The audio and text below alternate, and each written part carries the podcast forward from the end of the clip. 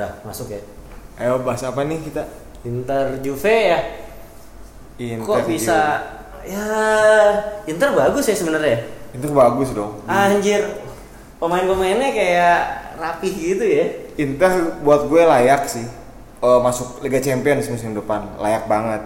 Hmm. Sama lawan Juve kemarin gue lihat sih Juve-nya udah nating tulus lah mainnya beneran kayak Iya, tapi kenapa munculin kalau gue jadi pelatih tuh langsung gue kasih libur itu semua. gue masukin pemain muda. Iya. ya saya ya sayangnya di Italia. Sayangnya di Italia. Ada geng masih ada gengsi lah di sana. Iya, iya, iya, iya, iya. masih ada gengsi Napo- Napoli kayaknya udah di posisi kedua sih menurutnya dikunci. Juve-nya udah selebrasi ya. Inter paling masih ya balap-balapan nama Roma sih ya. Balap-balapan nama Roma ya Torino, Milan. ya dari pertandingan kemarin ya emang buat gue pribadi sih Inter lebih menghibur ya Inter lebih Iya, iya, menghibur iya. Jauh, jauh, jauh, jauh. malamnya naik golan lah pertandingan kemarin tuh bener-bener golnya gila, Gila, volley, volley kaki luar ya. iya Juve di babak kedua butuh ngebales ngebongkar pertahanan Inter ya buat gue sih Sesni sih main match di Juve ya? Sesni Janik tapi overall Inter layak masuk Liga Champions. Bahkan bisa dibilang ya tiga besar lah. Eh, buat musim ini emang layak buat Inter. Ya Juve-nya sih. Juve-nya sih yang udah bener gak ada beban sih udah selebrasi. Or, padahal Inter pemain-pemainnya bagus ya. Cuma iya. kenapa ya? Kenapa pelatihnya kurang atau gimana dan? startnya sih startnya menurut gue ya startnya nggak pas aja kalau kita flashback awal musim tuh Inter ganti-ganti pelatih Ya, tuh ya, ganti-ganti ya. pelatih gue gue sampai lupa siapa aja Iya, iya banyak. sampai akhirnya Spalletti kan sekarang dan ya ganti pelatih ganti sistem terus at the end of the season lu ketiga buat gue ajaib sih Iya, buat iya, gue ajaib iya, iya, lumayan karena ya. awal musim wah parah banget keseok-seoknya sama Fiorentina kan sama Fiorentina dibikin lumbung gol Iya, iya, iya. Tapi tapi eh, Big Five-nya juga emang ganti pelatih semua ya kecuali Milan ya. Milan emang kayaknya nggak ngerti sih eh, Gattuso nggak tahu Milan nyulik itu kanker kayaknya. Gattuso tuh kayak tahu nyulik yang punya Milan apa gimana nggak diganti cuman belajar sih Milan buat gue dia belajar belajar eh, untuk tidak mengganti plat ya belajar toleransi lah buat Iya. gue Milan Eh, Gattuso dikasih waktu eh ya itulah mungkin bedanya Inter sama Milan gue ngerasa Inter lebih serius sih Tapi pemainnya komposisinya jauh lah bagusan Inter lah. buat gue dari segi gue ngeliatnya sih dari segi usia Ya. pengalaman Inter lebih Udah jadi ya. mm kayak udah ya udah setengah mateng lah ada yang Iya, iya, bener, bener. ada pemain-pemain kayak Brozovic yang juara ketiga Piala Dunia Iya, iya, iya, iya. eh, matangnya Raja Nenggolan gitu dan Milan yang bisa dibilang kalau dari segi usia sama pengalaman Udah uh. Heeh, adapun yang udah berpengalaman ya gitu lah ya maksudnya ya paru-parunya harus heeh, Tokopedia ya. gitu kayak banyak yang season eh, one season wonder gitu jadi iya, iya. heeh. Terus kayak nggak konsisten juga apa Calhanoglu ya. Calhanoglu, lagi heeh. katanya. Terus kadang main kadang enggak.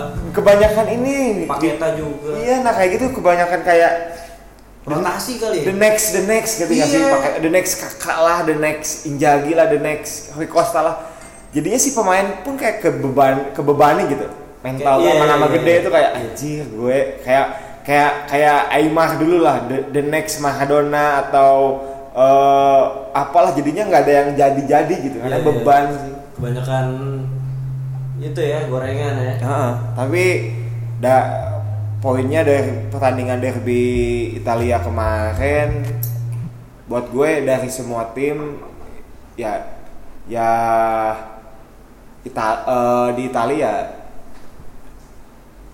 Inter sih emang paling paling siap buat lawan Sisa-sisanya ya. Heeh, kayak gitu. Iya, iya, iya, iya. Apalagi nih? Hmm, apa ya? udah kayaknya Itali membosankan. Eh, Conte, Conte. Conte gimana Conte? Conte ke mana nih? Gue pengennya ke Milan biar seru gitu. Soalnya kan gue seneng Spalletti di Inter. Iya, Terus iya. Roma masih kayaknya musim depan chaos. Soalnya kalau dilihat-lihat kemarin Monci cabut. Iya. Iya kan? Tapi gue gak dengar sih Conte kabarnya ke mana tuh emang? Katanya sih mau malah ke Inter. Kalau gua harap-harap ke Milan biar gaungnya gitu ke, Iya. ke Milan. Katanya kalau nggak ke Roma ke Inter. Tapi emang Aduh, kalau di Inter sih buat gue mesti siap-siap aja duit Milannya. Eh buat ke kalau buat ke Milan ya, Iya, iya. mesti siap-siap aja duit. Milan lagi nggak punya duit. Iya, makanya kayak masa sih pelatih segede itu. Buat gue tuh Conte di Italia udah grande sih namanya. Iya, udah iya, iya. udah bukan pelatih yang apalah gitu yang bisa sembarangan ke klub apa gitu. Karena ya udah keuji. Buat gue pelatih kayak Ancelotti itu datang ke suatu liga ngasih gelar juara ya walaupun tim-tim gede gitu kayak kayak ke Munchen, ke Chelsea gitu. Tapi buat gue Conte itu spesial sih. Buat gue pribadi nih, Conte itu Pepnya Itali lah, bisa dibilang kayak gitulah. Oh, Filsufnya Itali lah. Iya, iya, iya, Kalau iya. kalau Pep sekarang banyak bilang Pep tuh filsuf, filsuf ya ya oke gitu. Emang gue setuju sih dengan dengan julukan filsuf atau apalah itu. Tapi buat gue Conte itu udah bisa dibilang se, se segila Pep sih karena banyak banget kabar di media Inggris yang bilang pada saat dia datang ke Chelsea aja dia sampai ngatur berapa meter jarak pemain operannya mesti ke mana dia marah-marah kalau nggak diturutin ya. Dia dia dia dia orang dia orang kerja gitu ini orang kerja ini orang idealisnya jelas dengan dia bikin karya dengan hasil gitu ada tropinya gitu dan ya kalaupun Conte jadi ke salah satu klub di Itali ya klub itu mesti siap aja gitu mesti siap aja. Tapi gue malah melihatnya, eh bukan gue malah melihat ya, gue malah lebih seneng Sari sih kayaknya. Kalau pepepan, cuman ya emang agak tua sih. enggak sih kalau sekarang gue ngerasa Sari tuh kok makin jadi kemunduran ya di Inggris ngerti gak sih kayak Ah, iya iya iya benar-benar. nggak tahu sih gue awam banget ya sebagai orang awam lah sebagai fans bola yang awam gue ngerasa eh, Sari itu banyak miskomunikasi sih sama staff-staff atau pemainnya di Chelsea buat gue ya Iya iya. dia iya. pakai translator Hmm. Eh, dan buat gue dia kayak anak kampung yang baru keluar kota gitu. Hmm. baru ini gitu.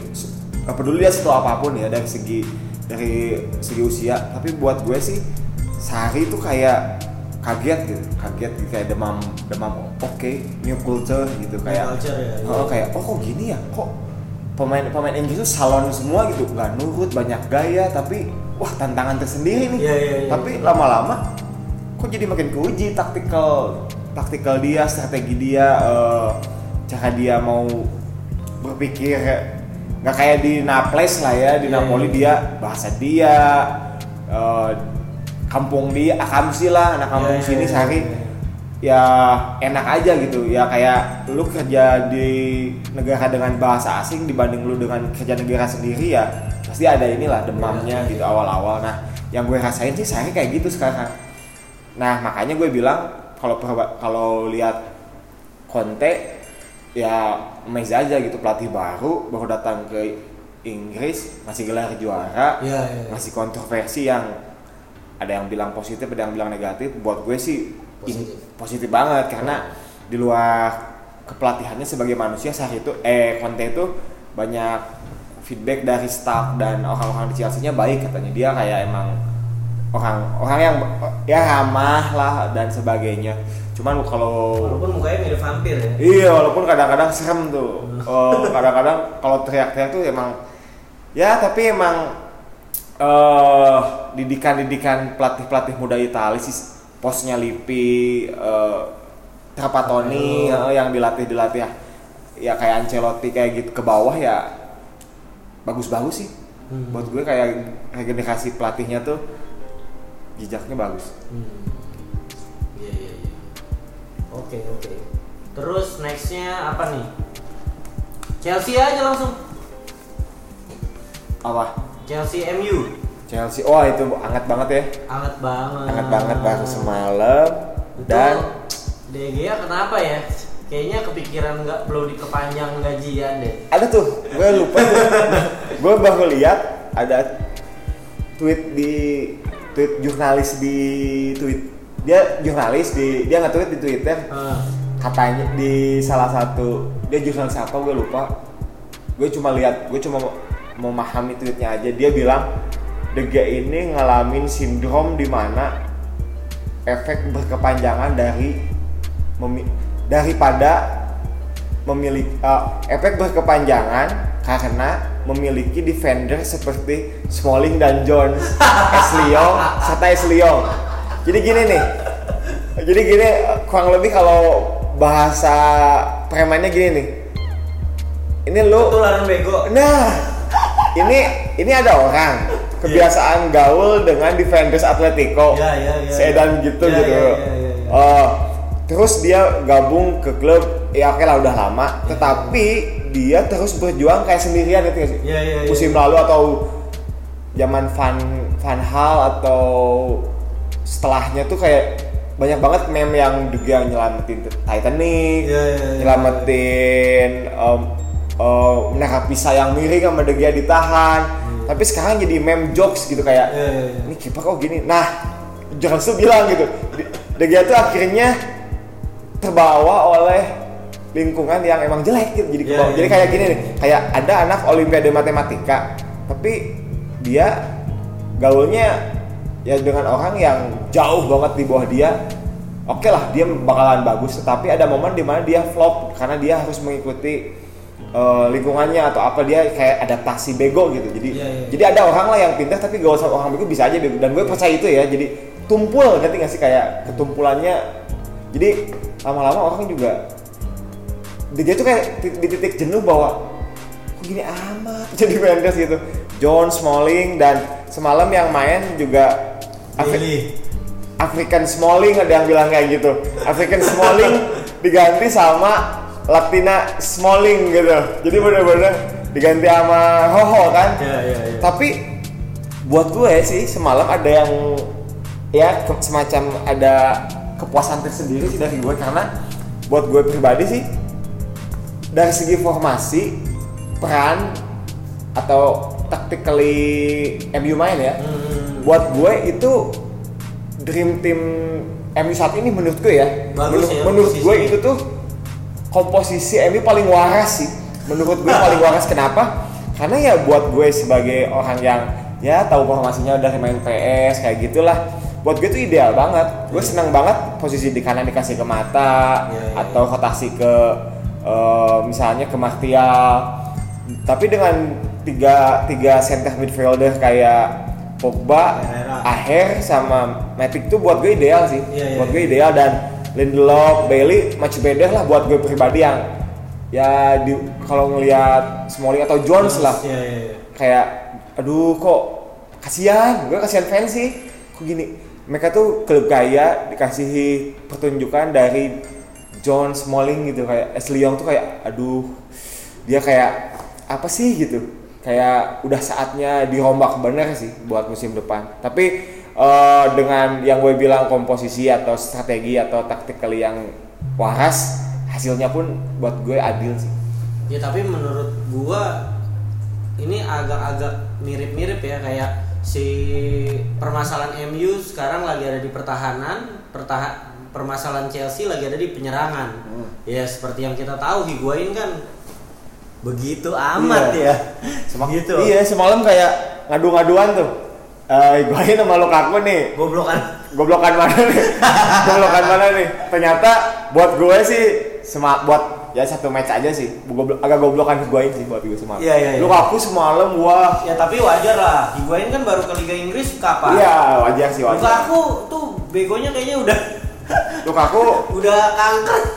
iya emang tapi semalam Lumayan. oke sih. Dan gue kalau jadi eh Solskjaer sih itu komposisi gue pakai sih sampai akhir musim. Iya, tapi itu flop harganya. Iya, Lukaku tuh 80. Tapi gue masih penasaran sih kalau mendingan beli 30 30-an deh. Ini gue masih penasaran kayak ini nih berapa match lagi ya? Eh Dua. dua apa tiga ya? Dua. dua dua ya MU itu. Nah itu kasih aja deh ke Sanchez dia pengen kayak gitu deh dia kasih dia pembuktian akhir Iya, iya, gitu iya, lah iya, iya. dan lu juga oke lah realistis lu masih ngejar Liga Champions atau posisi berapa walaupun kesannya kayak dikasih ke lu duluan deh lu duluan kayak gitu ke ke, Iya. ke Tottenham ke Arsenal ke ke Chelsea itu kayak gitu cuman buat gue sih kalau jadi oleh sih gue bakal manfaatkan sisa pertandingan dengan memakai komposisi yang paling waras. Ya dari tengah ke depannya kayak semalam lah. Buat gue agak wa- waras. Kenapa waras? Karena entahlah buat gue itu eh banyak kombinasi seperti tiba-tiba di tengah pakai McTominay apa? McTominay ya? McTominay. Eh, atau Pereira atau eh, mungkin statistik sekarang bilangnya mereka meningkat Iya. bagus enak dilihat tapi buat gue eh, dari dari di lini tengah tuh keseimbangan tuh Iya, penting paling penting ya. Iya, iya. karena eh, tidak hanya tentang formasi tetapi dalam sepak bola tuh ada yang namanya eh, peran atau role atau arketipe gitu dan buat gue Matic Pogba dan eh, siapa sih eh, Aher tuh seimbang banget ya Iya, iya, di mana iya. di mana Matic sebagai penyeimbang sebagai jangkar kedalaman lini eh, transisi dari United dari bertahan ke menyerang Ander Herrera sebagai oh ya bisa bilang gelandang pangkot airnya lah Eh, dan Pogba sebagai playmaker atau otak dari transisi suatu serangan sebuah tim gitu menurut gue itu jauh lebih waras ya iya iya iya. iya. Gue juga setuju sih kalau misalnya Pogba dikasih role-nya agak bebas. Kalau du- udah di backup dua di tengah, kanan kirinya udah ada, Pogba juga kayak bisa maju bisa mundur, lebih bisa kreasi sih. Karena kan kalau kita lihat si timnas Prancis pas juara dunia kan posisinya kayak gitu. Iya, iya, iya. Ada Kante sama siapa tuh satu lagi tuh? Eh, tiga ya pokoknya. Matuidi tuh Matuidi, nah, kadang iya. apa Ndidi ya Ndidi ya Matuidi ya. Nah, itu tuh maksud gue tuh gitu. Pogba tuh stati- statistically kemarin dilihat tuh nggak jelek, Iya iya iya. nggak jelek maksudnya Pogba itu salah satu lini tengah MU yang selalu mencoba mengalihkan bola ke depan. Jadi eh dengan kata lain dia gawe gitu, dia kerja kerja untuk menyerang tuh ada gitu. Cu- tapi semua orang tuh kayak nyalahin Po- Pogba kalau ada kalau Defense. MU kalah tuh, MU kalah pasti Pogba yang dibully atau apa gitu. Tapi statistically ya dia gawe coy, dia dia ada improvement gitu buat tim tuh. Cuman ya ya balik lagi gitu defender defenders MU tuh Liga Jarum Iya iya iya. iya sih. gede doang gede doang Tapi kayaknya tahun depan agak sulit deh buat MU. Soalnya De Gea kontrak belum diperpanjang. Sanchez teriak-teriak gaji kegedean. Terus Pogba katanya mau cabut, udah kode-kode ke Zidane. goda ya goda Madrid Iya udah kode. Dulu kan sempat kode ke Barca, sekarang kode ke Madrid. Jadi belum lagi mereka nggak masuk. Mereka mau pakai formasi waras. Dan si olehnya juga gengsi-gengsian dong. Wah kalau gua uji coba dua sisa pertandingan dengan kayak gini, terus nggak masuk zona Liga Eropa gimana? Dia soalnya kan di ujung banget nih, posisi dia udah paling susah.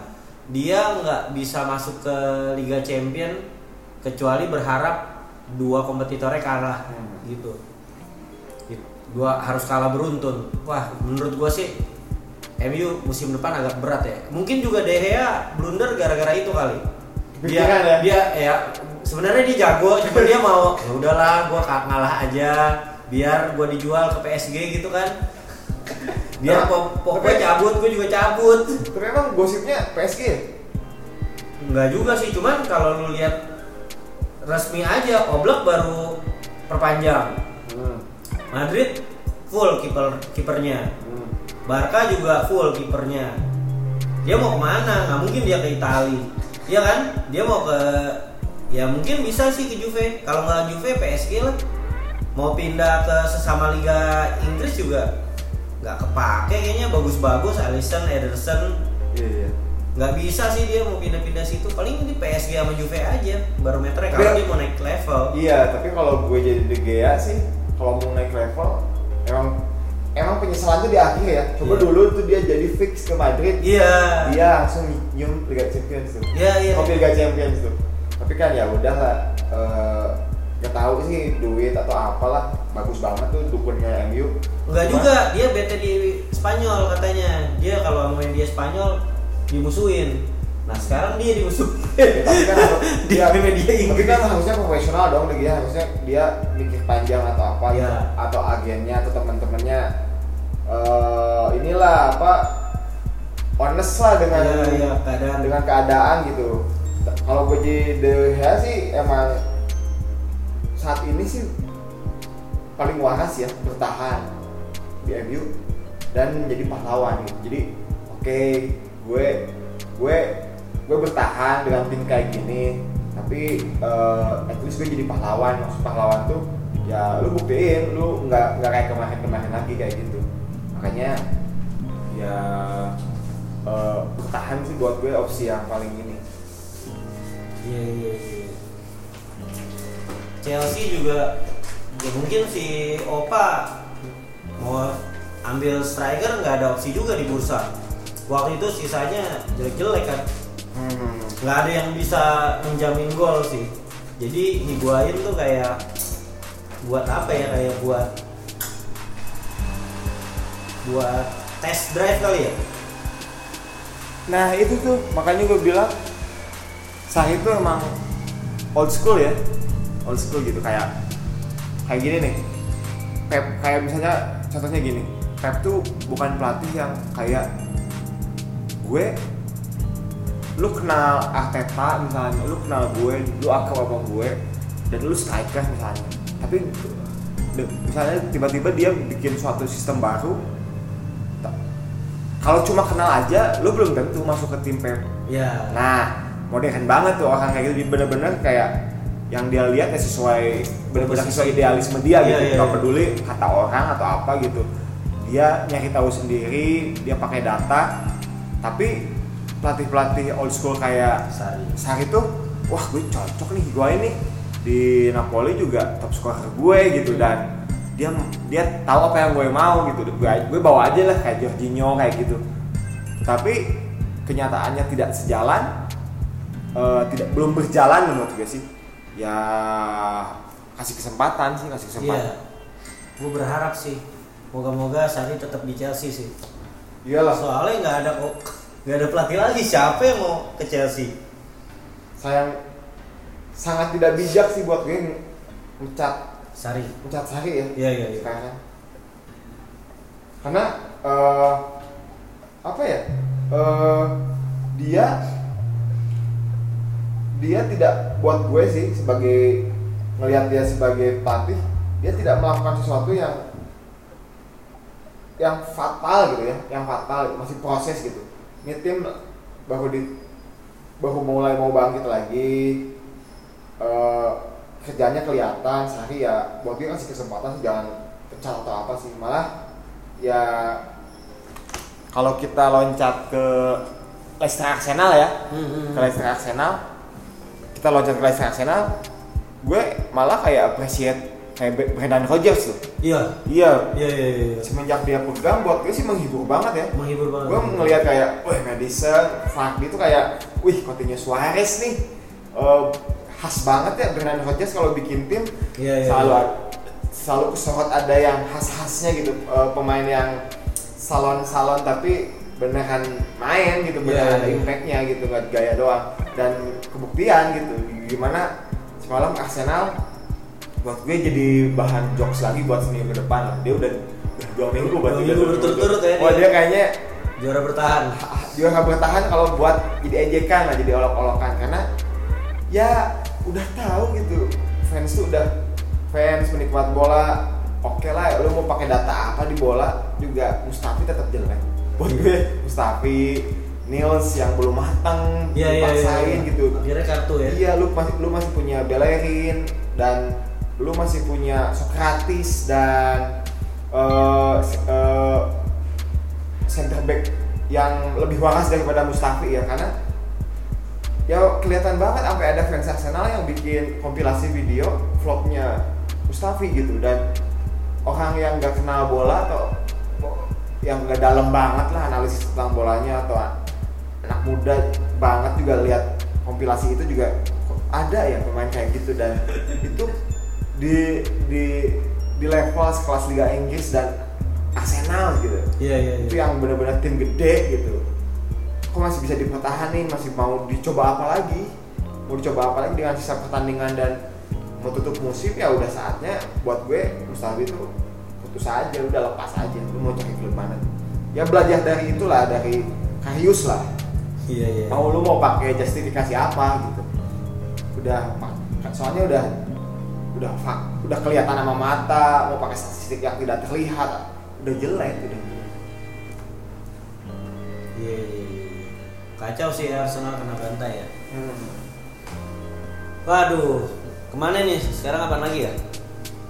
Bellerin. Barca Barca juara nih. Wah, bahkan juara ya dengan Ke po- 10 untuk Messi. ke 10 untuk Messi dengan startup yang bisa dibilang ini ya apa startupnya agak-agak pas mulai liga tuh agak-agak nggak jelas tuh Iya iya iya iya. terus juara ya gue kayak nggak nggak aneh lah lu buat Barca tapi dengan star yang agak-agak Shaky. eh, keganggu sana sini buat gue ajaib sih tapi Ajaib ajaib. faktor lain seperti Atletico-nya juga seok-seok Madridnya apalagi pos pos pos Zidane tuh wah berat banget tuh Madrid nah wajar sih bang lebih ke kemarin tuh kalau kita lihat dari tiga tim yang akan juara misalnya Atletico, Real atau Barca cuma satu yang akan juara yaitu tim yang paling cepet-cepet move on atau konsen ke trofi dan buat gue Barca Iya iya. Madrid masih kejebak dengan komposisi pelatih, pelatih maunya apa, digonta-ganti, digonta-ganti. Eh, Atletico yang masih sin, pos musim lalu, terus komposisi pemainnya yang baru beres Piala Dunia ya, dan yang eh, banyak banyak uji coba baru sih dari Simeone dan dia mengaku itu dan eh, ternyata si Costa juga masih beringas, masih bastard gitu dan ya yang paling cepet fokus ke liga yang paling cepat ngebenahin ya itu yang bakal juara dan bahkan ngebuktiin Atletico tuh kayak bos tua-tua juga nggak sih kayak kayak Juve Juve juga gitu. Kayak komposisi pemainnya yang di belakang ya. Kalau di tengah sih mereka banyak puter-puteran baru ya. Terus kayak serangannya kayak mulai-mulai kebaca sih ya kalau menurut gua. Buat gue sih selama Simeone masih di sana Atletico tetap Atletico yang barbar ya Nah. selama Simeone masih di sana tapi iya juga bener kata lu eh, dengan serangan yang masih sama seperti dulu Iya. dengan satu striker satu second striker obar abri teng- muncul. tengah padat flank naik Iya. ya tim mana gitu yang nggak nggak belajar dari sana gitu pasti Iya, iya. ada tim analisa dan kita sadar banget bahwa eh, adalah antidotnya gitu antitesis Iya, dari iya, iya. permainan Atletico tuh dan dan masa sih nggak nggak kebaca gitu Atletico nggak punya Messi gitu kecuali lu punya Messi lu mau bikin antitesis kayak gimana juga kalau kata Cialini tuh lu cuma bisa berdoa kalau ketemunya tim yang ada Messi-nya gitu tapi Iya. kalau tim-tim yang Juve pas ketemu Atletico Madrid ya makanya comeback ya ada antidot gitu ada antitesis dari tesisnya Atletico itu gitu.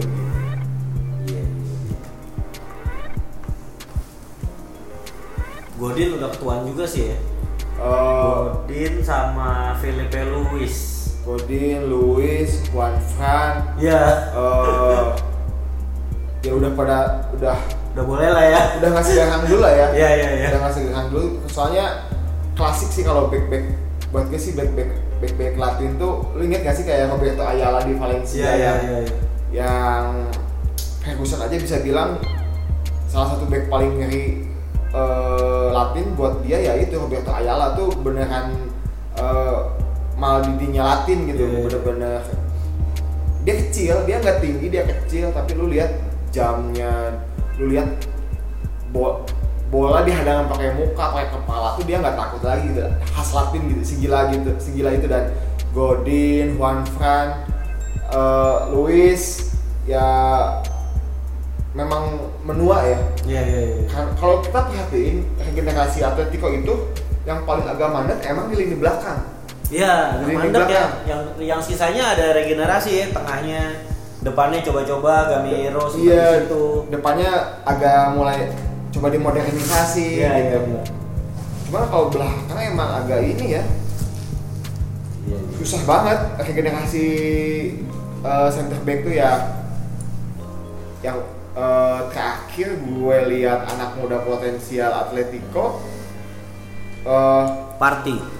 Thomas. Nah itu lini tengah si Pa- Partey sih asik banget Hmm. musim ini Partey itu oke lah Thomas tuh musim ini cuman nggak tahu nih musim depan apakah flop apakah season wonder atau gimana tuh Eh tapi dia dari tahun lalu udah lumayan loh.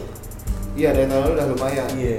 walaupun emang yang gue perhatiin sih emang coba-coba ya Iya iya iya. iya. Siapa lagi tuh? Udah sih. Yang depannya nggak ada terlalu banyak perubahan. Masih tetap ngandelin Griezmann. iya masih Griezmann dan kawan-kawan masih Saul Al- uh, Mohata juga emang sebenarnya itu tim tim masa kecil dia sih Atletico Iya. masa kecil dia karena emang dia kan walaupun main di Madrid dia ya kita punya lah tim, Tim favorit gitu favorit, dan ya. dan Mohata tuh katanya emang dia ATM banget dari kecil makanya Morata masih bisa manjang sih masa depannya soalnya masih muda juga. masih muda Costa udah boleh sih. Costa tinggal ya nyari ke Latin atau gimana tapi buat gue sih Costa masih kepake sih Masih ya. Buat backup backup ya.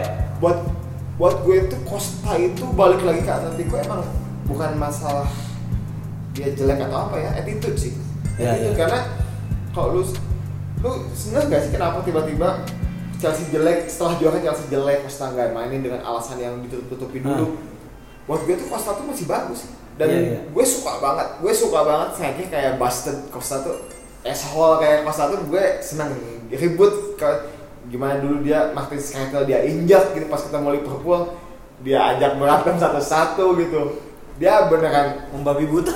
bocah liar emang Iya, iya, iya. emang nih anak emang emang attitude-nya kampung gitu tapi di sisi lain dengan sepak bola yang modern dengan karakter tim yang kayak Atletico pelatih yang agak urakan juga sebenarnya si Cocok ya. wah cocok banget Iya, gitu iya. kayak anak ya anak kandung Simeone anak anak kandung Simeone representasi Atletico buat dia Costa gitu Iya, iya, sebastan itu gitu Kayak Atletico bisa dibilang kaya juga ya ta- tanpa meminggirkan si PSG. Gila stadionnya gede banget. Iya walaupun sebenarnya naik naik naik ke dekat stadion tuh ada flyover katanya. Gue Oh iya? Gue gak pernah sih cuman flyover El, El Madrigal tuh ya tidak ya mungkin mewah di, di dalam tapi buat di luar katanya sih Biasa kayak aja. gitu. Iya iya iya iya. Madrid gimana nih kalah nih? Ngomong-ngomongin kota Madrid nih, Madrid. Kalah sama gue tim headline-nya ini- bawah. iya headline-nya bahkan Jidan ngamuk Jidan ngamuk. Jidan ngamuk karena kok bisa oke kita kalah tapi di luar kalah walaupun kalahnya nah penalti kan. Walau Jidan kalah tetapi bukan itu poin Jidan bukan kalah tetapi mainnya jelek Hmm. kita sering kalau lihat tim yang main jelek tapi menang ngerti nggak sih kayak eh, oke lah penalti atau eh, kayak Barca waktu itu ketemu Celtic atau apa gitu yang iya. bahkan penguasaan bolanya sampai 80% tapi setiap counter attack kalah dan gol. Nah, yang di garis bawahi Zidane kemarin adalah oke lu kalah, oke lu udah nggak ada, oke Barca selebrasi ada efek psikologi ke lu di mana lu udah nggak mau ngapain juga. Tetapi dengan permainan kayak gitu, yang di mana semalam tuh eh tadi kemarin ya kemarin hitungannya lu tuh main pemain muda ada Mariano, Ceballos, Llorente yang dipercaya buat jadi defensive midfield ya dengan adanya komposisi Modric dan Kroos ya ya nggak seharusnya kayak gitu sih nggak seharusnya kayak gitu permainannya Oke oke.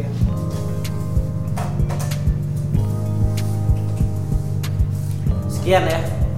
itu dulu deh Sip. Siap.